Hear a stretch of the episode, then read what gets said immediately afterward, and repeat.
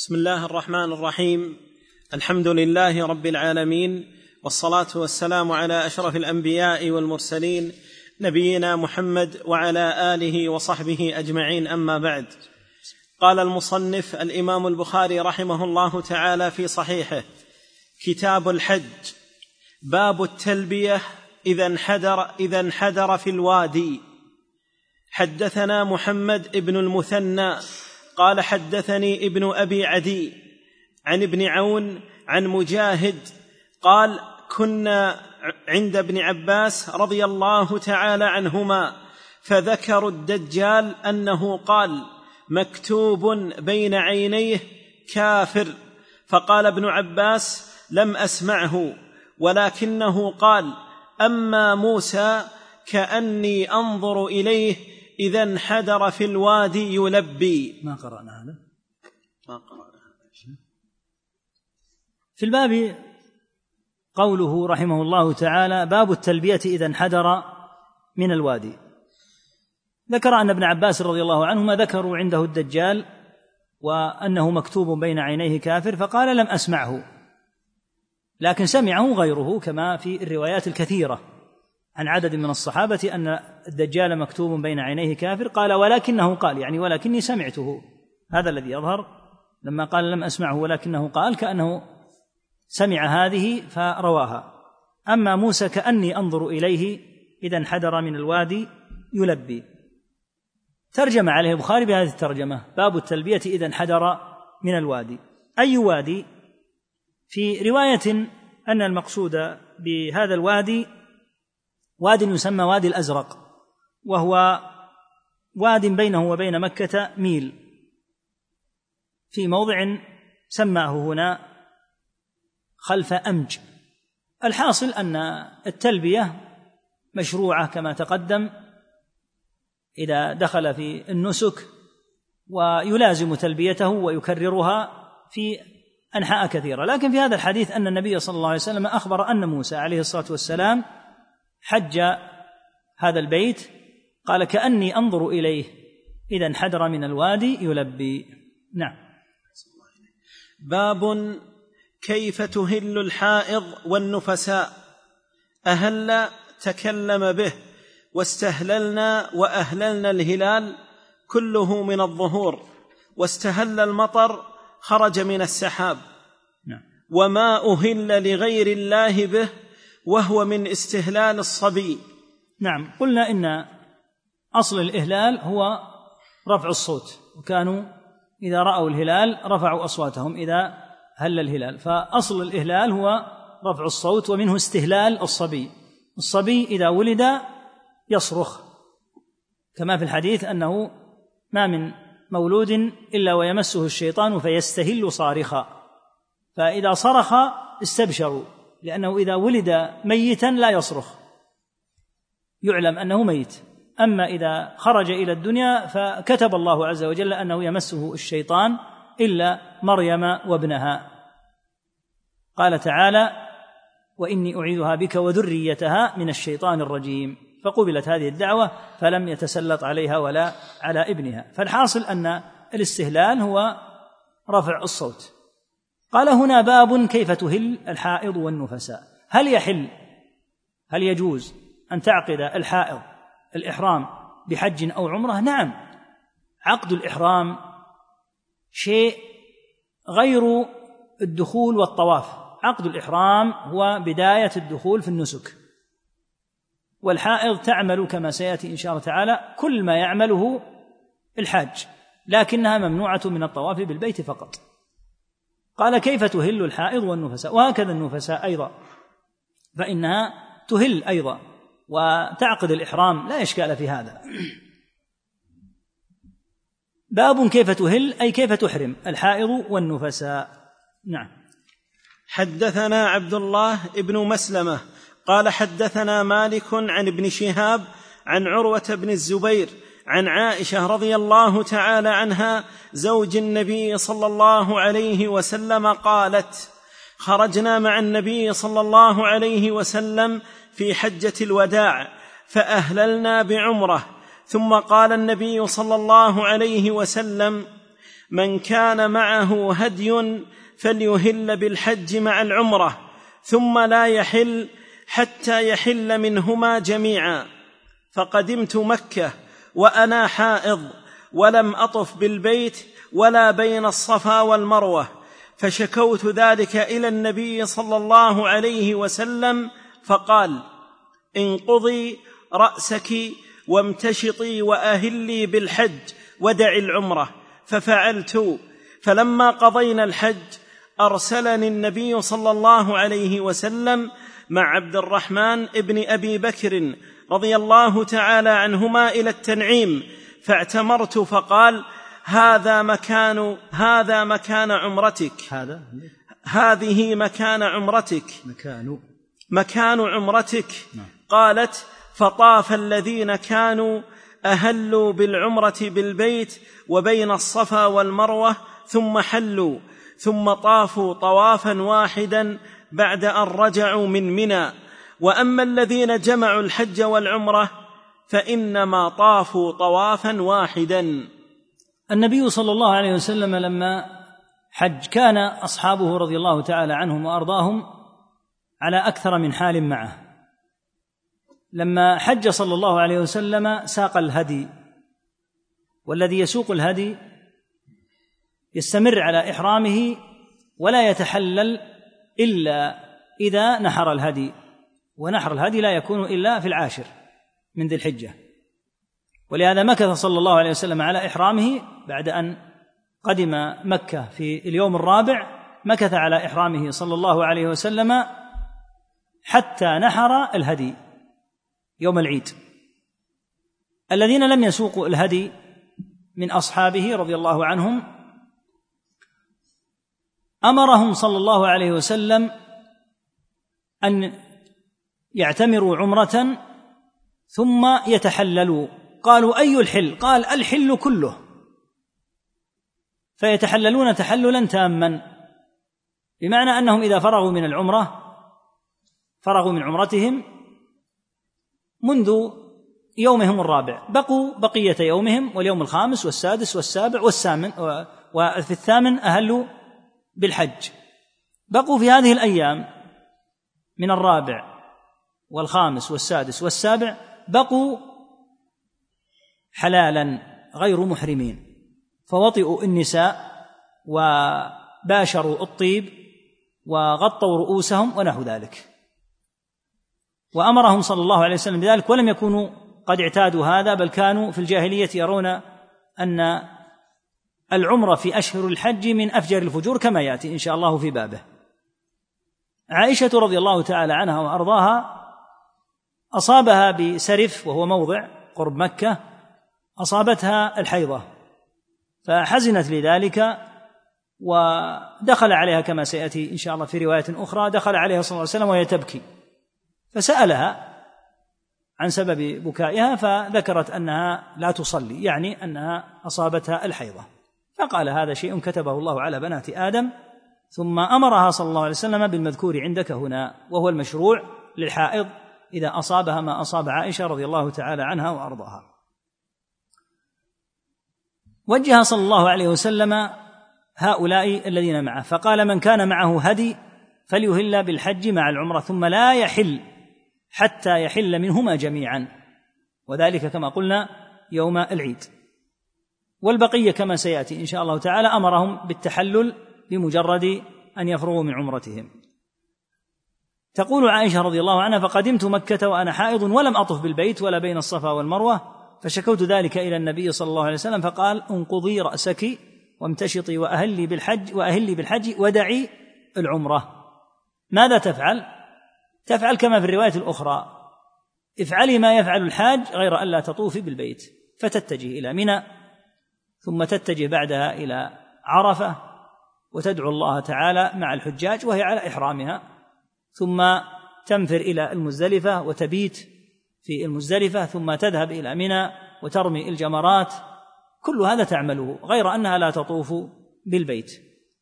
لما انتهى كما سيأتي أيضا في بقية الأحاديث إن شاء الله انتهى الصحابة رضي الله عنهم وانتهى النبي صلى الله عليه وسلم من حجته كانت أمهات المؤمنين جميعا قد حصلنا عمرة مع الحج.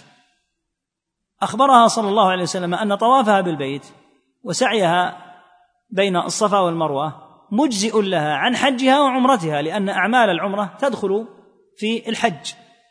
فكأنها أرادت أن تعتمر عمرة مستقلة. فلما رآها عليه الصلاة والسلام وكان كما في الحديث سهلا عليه الصلاة والسلام إذا رآها هويت شيئا مال معها يعني إذا كان مما يسوغ ويحل إشكال فيه فأمر أخاها عبد الرحمن أن يخرج بها إلى التنعيم وأن تأتي بعمرة. تقول هنا فطاف الذين كانوا أهلوا بالعمرة بالبيت وبين الصفا والمروة ثم حلوا ثم طافوا طوافا آخر لأن ذاك الطواف كان للعمرة والطواف الآخر هذا لحجهم. وأما الذين جمعوا الحج والعمرة فإنما طافوا طوافا واحدا الذي يظهر لعله يأتي إن شاء الله تعالى أن المقصود السعي بين الصفا والمروة. فالمتمتع يلزمه سعيان سعي لحجه وسعي لعمرته. بخلاف من لم يتمتع فإنه لا يلزمه إلا سعي واحد. وتأتي بقية إن شاء الله تعالى الأحاديث تباعا. نعم. أحسن الله باب من أهل في زمن النبي صلى الله عليه وسلم كإهلال النبي صلى الله عليه وسلم. قاله ابن عمر رضي الله تعالى عنهما عن النبي صلى الله عليه وسلم حدثنا المكي ابن إبراهيم عن ابن جريج قال عطاء قال جابر رضي الله تعالى عنه أمر النبي صلى الله عليه وسلم عليا رضي الله تعالى عنه أن يقيم على إحرامه وذكر قول سراقة نعم. حدثنا الحسن بن علي الخلال الهذلي. قال حدثنا عبد الصمد قال حدثنا سليم بن حيان قال سمعت مروان الأصفر عن أنس بن مالك رضي الله تعالى عنه قال قدم علي رضي الله تعالى عنه على النبي صلى الله عليه وسلم من اليمن فقال بما أهللت؟ قال بما أهل به النبي صلى الله عليه وسلم. فقال لولا أن معي الهدي لأحللت. وزاد محمد ابن بكر عن ابن جريج قال له النبي صلى الله عليه وسلم بما أهللت يا علي؟ قال بما أهل به النبي صلى الله عليه وسلم. قال فاهدي وامكث حراما كما أنت. قال فأهدي. قال فأهدي وامكث حراما كما أنت. نعم.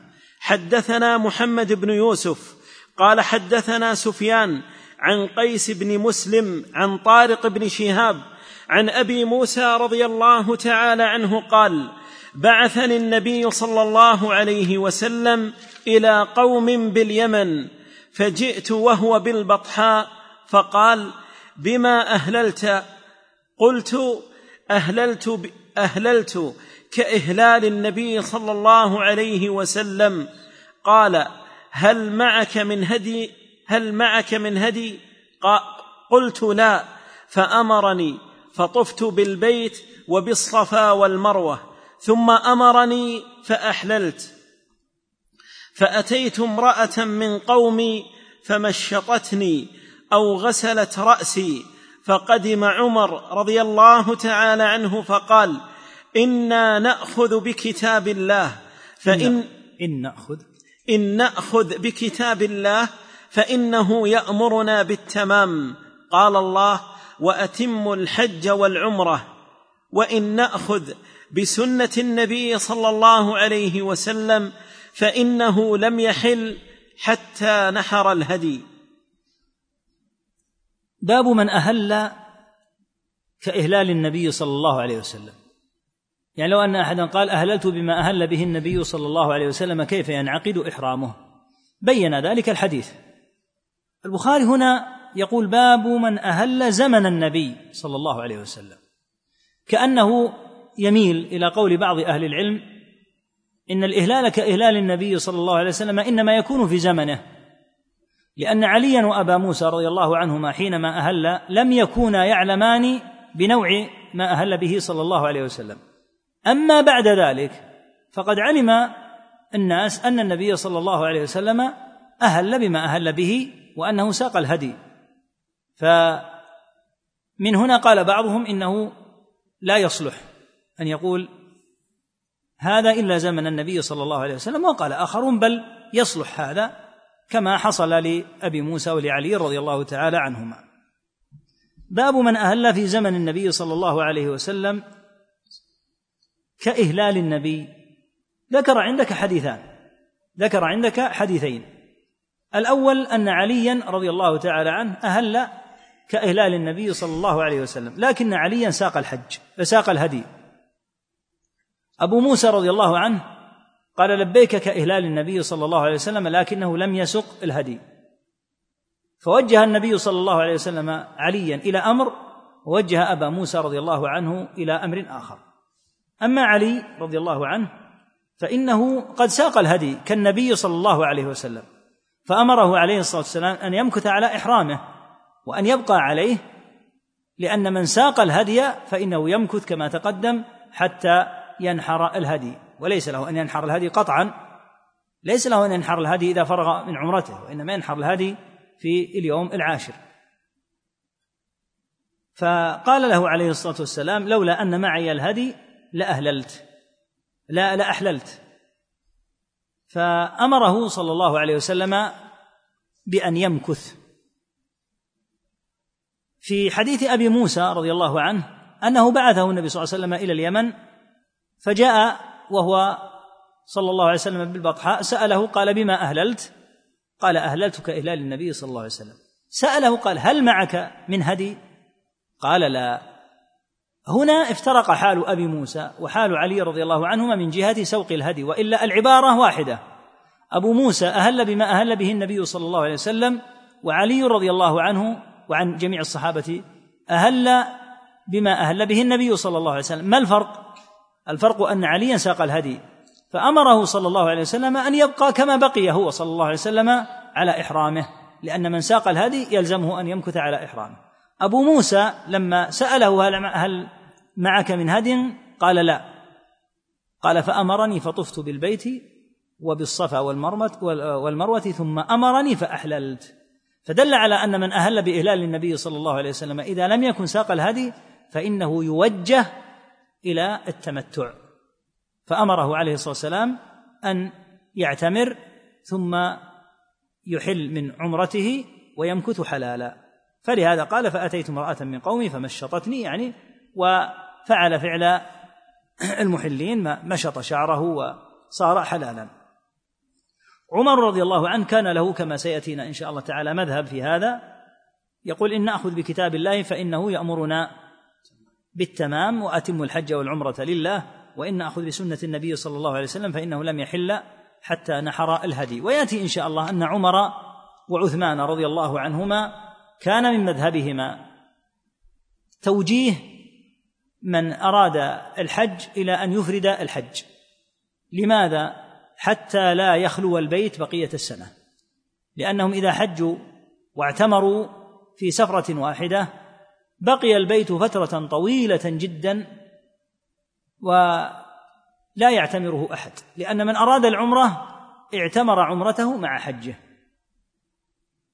فكان يقل رواد البيت بينما إذا حج حجة واحدة أفردها. ثم في أثناء السنة قد يقول سأعتمر لأني ما اعتمرت. فكان من رأيهما هذا دون إلزام ودون إيجاب ولكنه رأي رأياه رضي الله تعالى عنهما وكان مرادهما به هو ألا يخلو البيت ولم يكونا يلزمان الناس به إلزاما على سبيل الحتم بل كان يريان أن هذا جائز ولكن الأولى ألا يخلو البيت. والصواب الذي عليه بقية الصحابة أو عدد من الصحابة رضي الله عنهم أن التمتع أفضل وهو الذي وجه إليه النبي صلى الله عليه وسلم.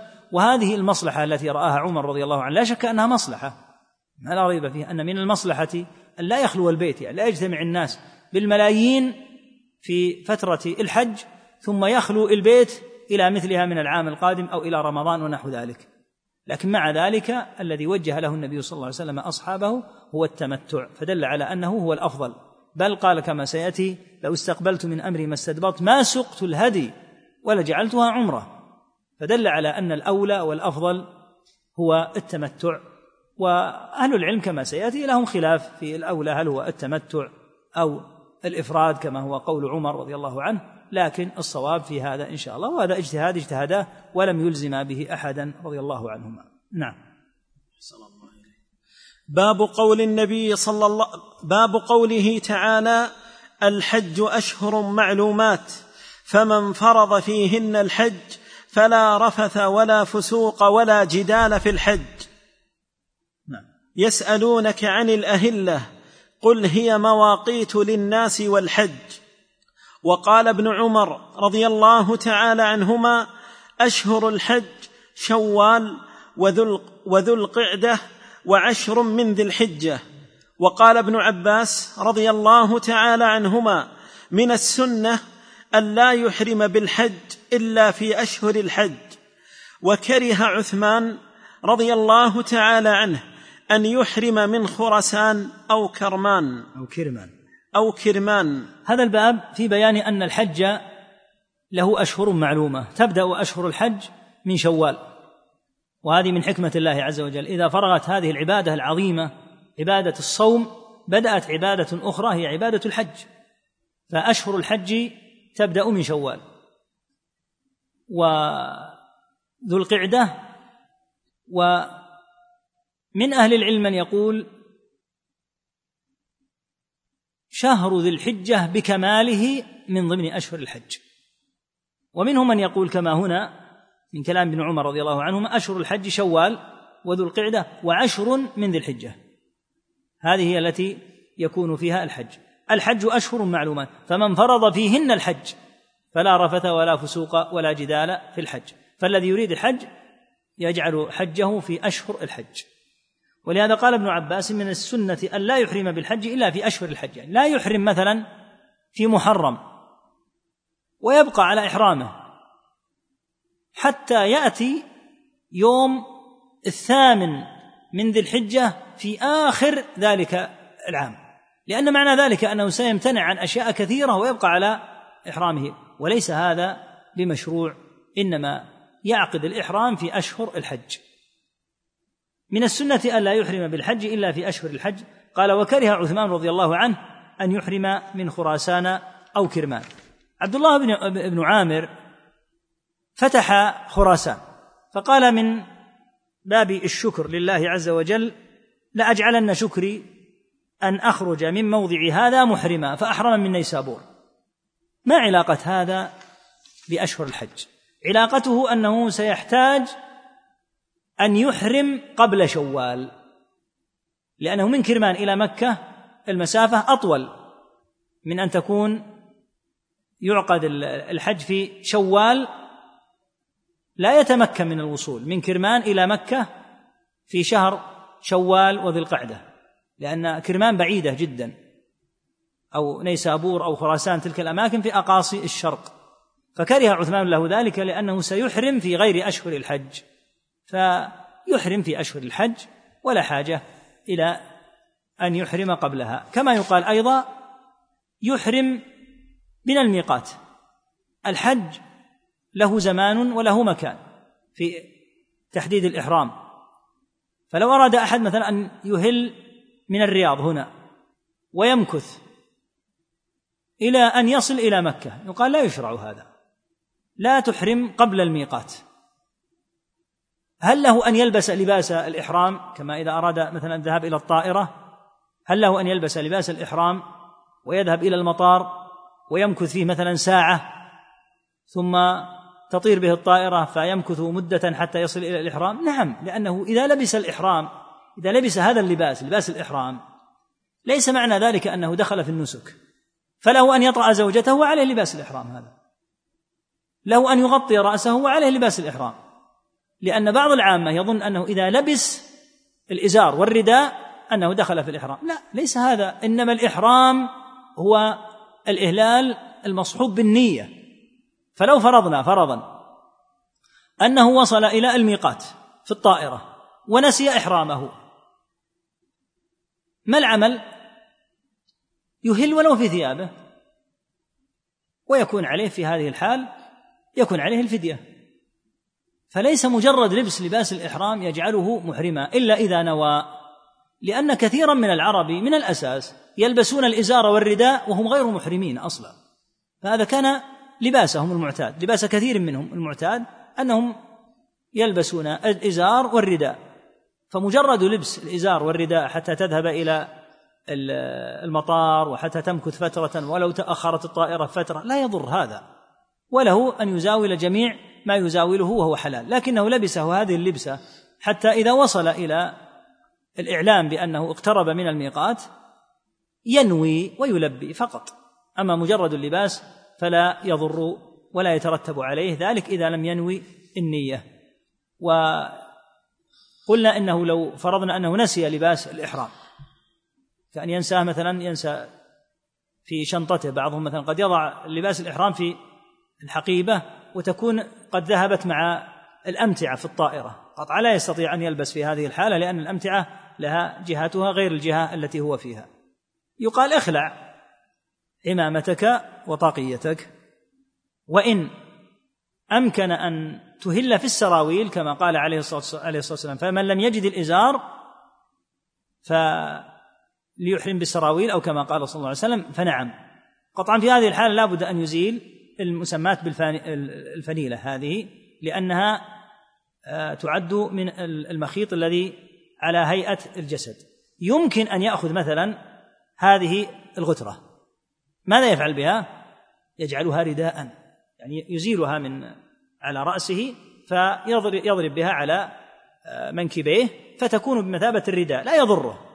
إنما تضر إذا غطى بها الرأس. أما أن يجعلها بمثابة الرداء هكذا يجعلها مثابة الرداء يرد أطرافها هكذا هذا لا يضر. ويكون في سراويل قطعا إذا كانت السراويل إذا كانت السراويل ساترة للعورة. فإذا لم يتمكن من هذا يقال أزل تغطية الرأس بالطاقية وبالعمامة ويكون عليك في هذه الحالة فدية لأنك قد لبست المخيط. هذا قطعا في حال الضرورة والحاجة وإلا فالأصل أنه ليس له أن يبقى على لباسه هذا وإنما يلبس الإزار والرداء. حاصل الأمر أن الصحابة رضي الله تعالى عنهم كانوا على أنحاء كما قلنا. منهم من ساق الهدي ومنهم من لم يسق الهدي معه. ومعنى سوق الهدي أن يأتي من موضعه الذي أحرم منه يسوق معه أو من بلده الذي انطلق منه. يسوق معه الهدي لينحر في مكة.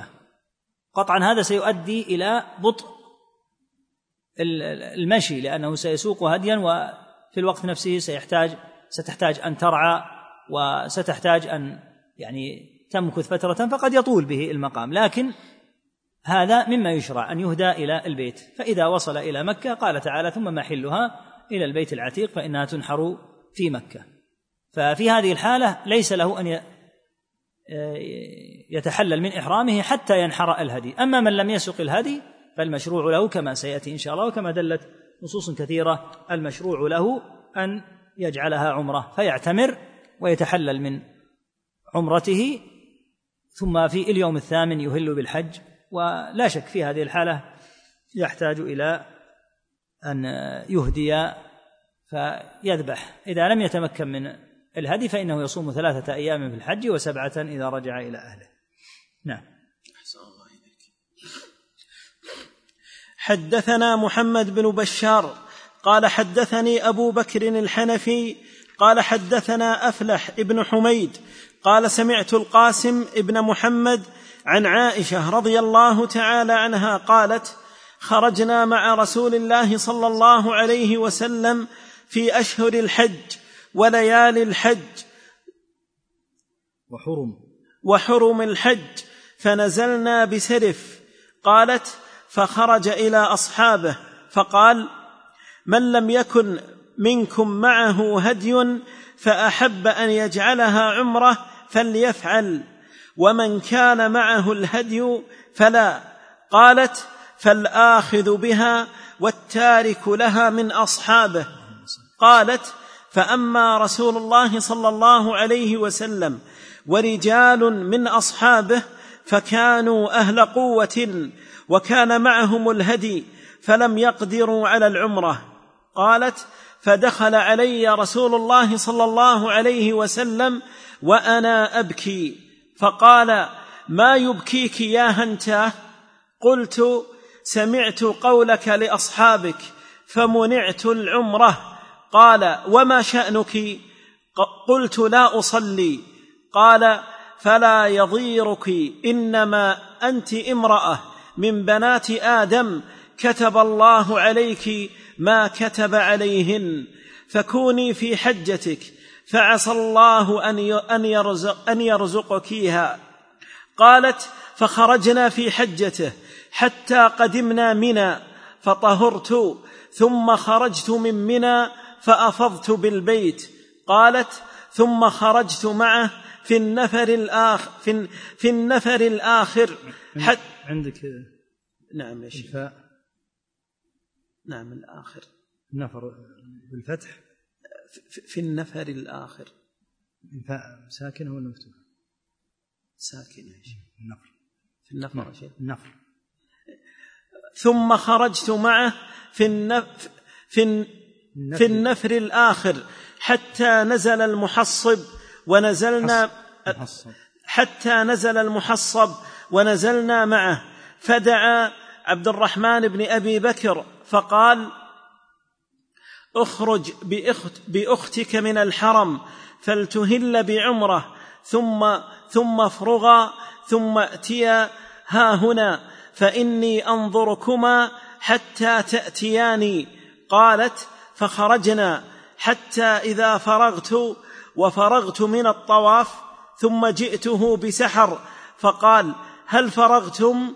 فقلت نعم فآذن بالرحيل في أصحابه فارتحل الناس فمر متوجها إلى المدينة. ضير من ضار يضير ضيرا ويقال ضار يضور ضورا وضر يضر ضرا. نعم. في هذا الحديث أيضا مثل ما تقدم أنه عليه الصلاة والسلام قال لأصحابه من لم يكن منكم معه هدي فأحب أن يجعلها عمرة. فإذا جعلها عمرة معناه أنه سيفرغ منها في يومه إذا وصل في الرابع ويتحلل. ومن كان معه الهدي فلا لأن الهدي يمنع صاحبه من التحلل حتى ينحره. قالت فالآخذ بها والتارك. لها من أصحابه لأنه خيرهم. وإن كان عزم عليهم فيما بعد فيما بعد عزم عليهم صلى الله عليه وسلم. قالت دخل علي وأنا أبكي عليه الصلاة والسلام فقال ما يبكيك يا هنتاه أو يا هنتاه؟ قلت سمعت قولك لأصحابك فمنعت العمرة. قال وما شأنك؟ قالت لا أصلي. يعني أنها أصابها الحيضة فقال لا يضيرك إنما أنت امرأة بنات آدم. كتب الله عليك ما كتب عليهن فكوني في حجتك فعسى الله أن يرزقكيها الظاهر أنه يريد العمرة. قالت فخرجنا في حجتها حتى قدمنا منى فطهرت ثم خرجت من منى فأفضت في البيت لأنها لما طهرت حل لها جاز لها أن أو شرع لها أن تطوف بالبيت. ثم أتمت حجتها. لما نزل المحصب طلبت منه كما في الرواية الأخرى قالت يرجع الناس بحج وعمرة وأرجع بحجة مع أنه أخبرها عليه الصلاة والسلام أن سعيها وطوافها يجزئها عن حجها وعمرتها إلا أنها كأنها أرادت منه عليه الصلاة والسلام أن يمكنها من العمرة فأمر أخاها عبد الرحمن أن يذهب بها إلى التنعيم وقال فإني أنتظركما. فمكث صلى الله عليه وسلم فحتى تصل إلى التنعيم فتحرم من هناك ثم تتجه إلى مكة فإلى إلى الكعبة فتطوف بها ثم تسعى. لا شك أنها ستستغرق فترة ولهذا وصلت عند السحر. فقال هل فرغتم؟ قال نعم. قالت نعم فآذن بالرحيل عليه الصلاة والسلام. فارتحل من موضعه صلى الله عليه وسلم متجها إلى منى لأن ذلك هو رابع الأيام رابع أيام منى فارتحل عليه الصلاة والسلام. آه، في هذا الحديث دلالة على أن من أصابها الحيض و فعل فلتفعل ما فعلت عائشة رضي الله عنها تتجه مباشرة إلى أعمال الحج. فإذا رغبت أن تعتمر فلها ذلك. وهل يشرع أن تعاد العمرة؟ يعني هل يدل حديث عائشة رضي الله عنها على جواز أن يعتمر الإنسان مرة أخرى؟ كثير من أهل العلم استدلوا بفعل عائشة رضي الله عنها على ذلك. قالوا ليس هناك حد فاصل بين العمرة والعمرة الأخرى. إنما متى تيسر له ذلك فإنه يعتمر. ولهذا كثير من الذين يفدون الآن إلى مكة إذا فرغ من عمرته اتجه مرة أخرى إلى التنعيم ثم أحرم بعمرة أخرى وأتى بها. من حيث الجواز من حيث الجواز الذي يظهر والله أعلم أنه لا ينكر على هؤلاء فلا يقال إنهم ابتدعوا. وإنما حرصوا على الخير إن شاء الله. لكن بالنظر إلى فعل النبي صلى الله عليه وسلم هو أحرص الناس على الخير. وبالنظر إلى فعل أصحابه رضي الله عنهم فإنه لا أحد منهم أخذ عمرة بعد حجته. إنما وقع هذا لعائشة لما فاتها من العمرة أولا. فالأكمل لا شك أنه هدي رسول الله صلى الله عليه وسلم. ولكن استدل من استدل بفعل عائشة رضي الله عنها على جواز تكرار العمرة. لكن ينظر إذا كان هناك ازدحام شديد سيؤدي هذا إلى اختناقات عظيمة جدا قد تصعب وصول حتى من لم يعتمر أصلا ولم يحج أصلا. فينبغي أن يلاحظ مثل هذا. ينبغي أن يلاحظ مثل هذا حتى لا يؤدي كثرة المعيدين للعمرة إلى تعطيل من يريدون أن يؤدوا النسك. هذا لا شك أن الموضع هناك كما لا يخفى. موضع مزدحم ازدحاما شديدا والأكمل الله أعلم أن يفعل فعل النبي صلى الله عليه وسلم فيقال من أصابه من النساء من أصابها ما أصاب عائشة رضي الله عنها وطلبت مثل هذا فنعم وإن اكتفت بما قال عليه الصلاة والسلام إن طوافك بالبيت وسعيك بين الصفا والمروة مجزئ لك عن حجك وعمرتك أو كما قال صلى الله عليه وسلم فلتأخذ بهذا. أما إذا طلبت هذا وقالت كما يحدث من بعض الوافدات قالت هي المرة الأولى والأخيرة في حياتي. أنا لن أتمكن مرة أخرى من أن أصل أصلا إلى مكة لأنهم لا يتمكنوا من الوصول إلا مرة واحدة في أعمارهم. ثم إذا رجعوا لا تأتيهم النوبة مرة أخرى لأن هناك ألوف هناك الألوف ينتظرون. فيقال في مثل هذه الحالة إذا رغبت في مثل هذا يلاحظ يلاحظ عدم المشقة على الناس ولكن لو أنه أعاد العمرة فالذي يظهر والله أعلم أنه لا ينكر عليه هذا الذي يظهر. نعم. أحسن الله إليك. الشيخ تخريج أثر عائشة. جزاك الله خير. نعم. أقرأها يا شيخ؟ سم. بسم الله الرحمن الرحيم. هذا تخريج للأثر الذي ذكر الشيخ وقرأناه في الأسبوع الماضي. هذا الأثر جاء من عدة طرق وأكثر الطرق والأسانيد التي وردت به ما جاء عن محمد بن المنكدر عن جابر بن عبد الله رضي الله تعالى عنهما قال قيل لعائشة إن ناسا يتناولون أصحاب النبي صلى الله عليه وسلم حتى إنهم ليتناولون أبا بكر وعمر. فقالت أتعجبون من هذا؟ انقطع عنهم العمل فلم يحب الله أن ينقطع عنهم. فلم يحب. فلم يحب الله أن أن يقطع عنهم الأجر. هذا الأثر بعد البحث في بعض الكتب و يعني وسائل الحديث في بعض المواقع أخرجه الطبراني في معجمه وأخرجه الهيثمي في مجمع الزوائد. ذكر, إي نعم نعم. وذكره ابن عساكر في تاريخ دمشق.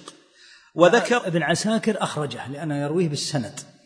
والطبراني أخرجه لأنه يرويه بالسند. الهيثمي عمله في جمع الزوائد فيذكره ذكرا. ما يرويه بالسند إنما يروي عن غيره. نعم. ينقل عن غيره بالسند. نعم. وأخرجه الخطيب البغدادي في تاريخ بغداد. وأخرجه الآجري في كتاب الشريعة.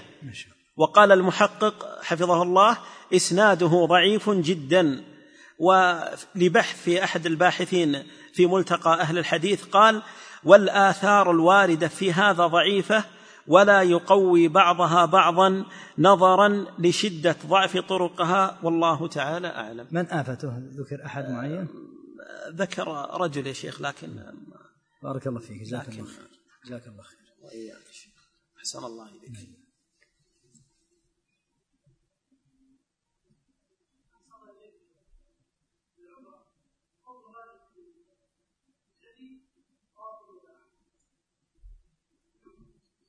الهدي.